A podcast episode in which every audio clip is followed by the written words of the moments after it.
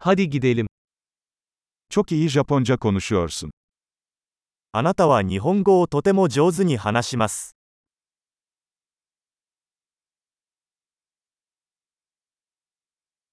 Sonunda Japonca konuşurken kendimi rahat hissediyorum. ようやく日本語を話すのが楽になりました。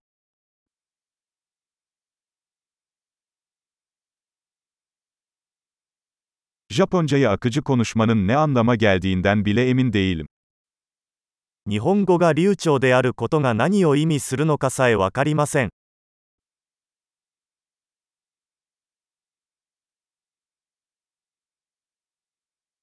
Japonca konuşurken ve kendimi ifade ederken kendimi rahat hissediyorum. 私は日本語で話したり、自分の考えを表現したりすることに抵抗を感じません。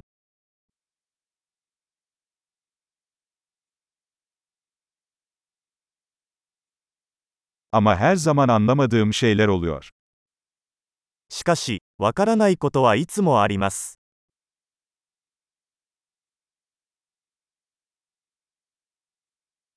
Her zaman öğrenecek daha çok şeyin olduğunu düşünüyorum. 学ぶべきことは常にあると思います。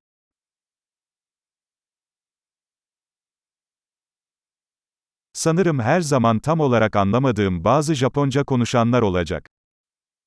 私が完全に理解できない日本語を話す人は常にいると思います。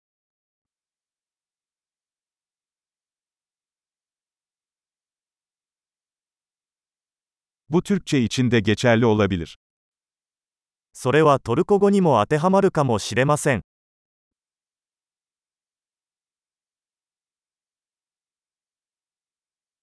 Bazen Japonca'da Türkçeden farklı biri olduğumu hissediyorum. 時々、日本語とトルコ語では自分が別人になったように感じることがあります。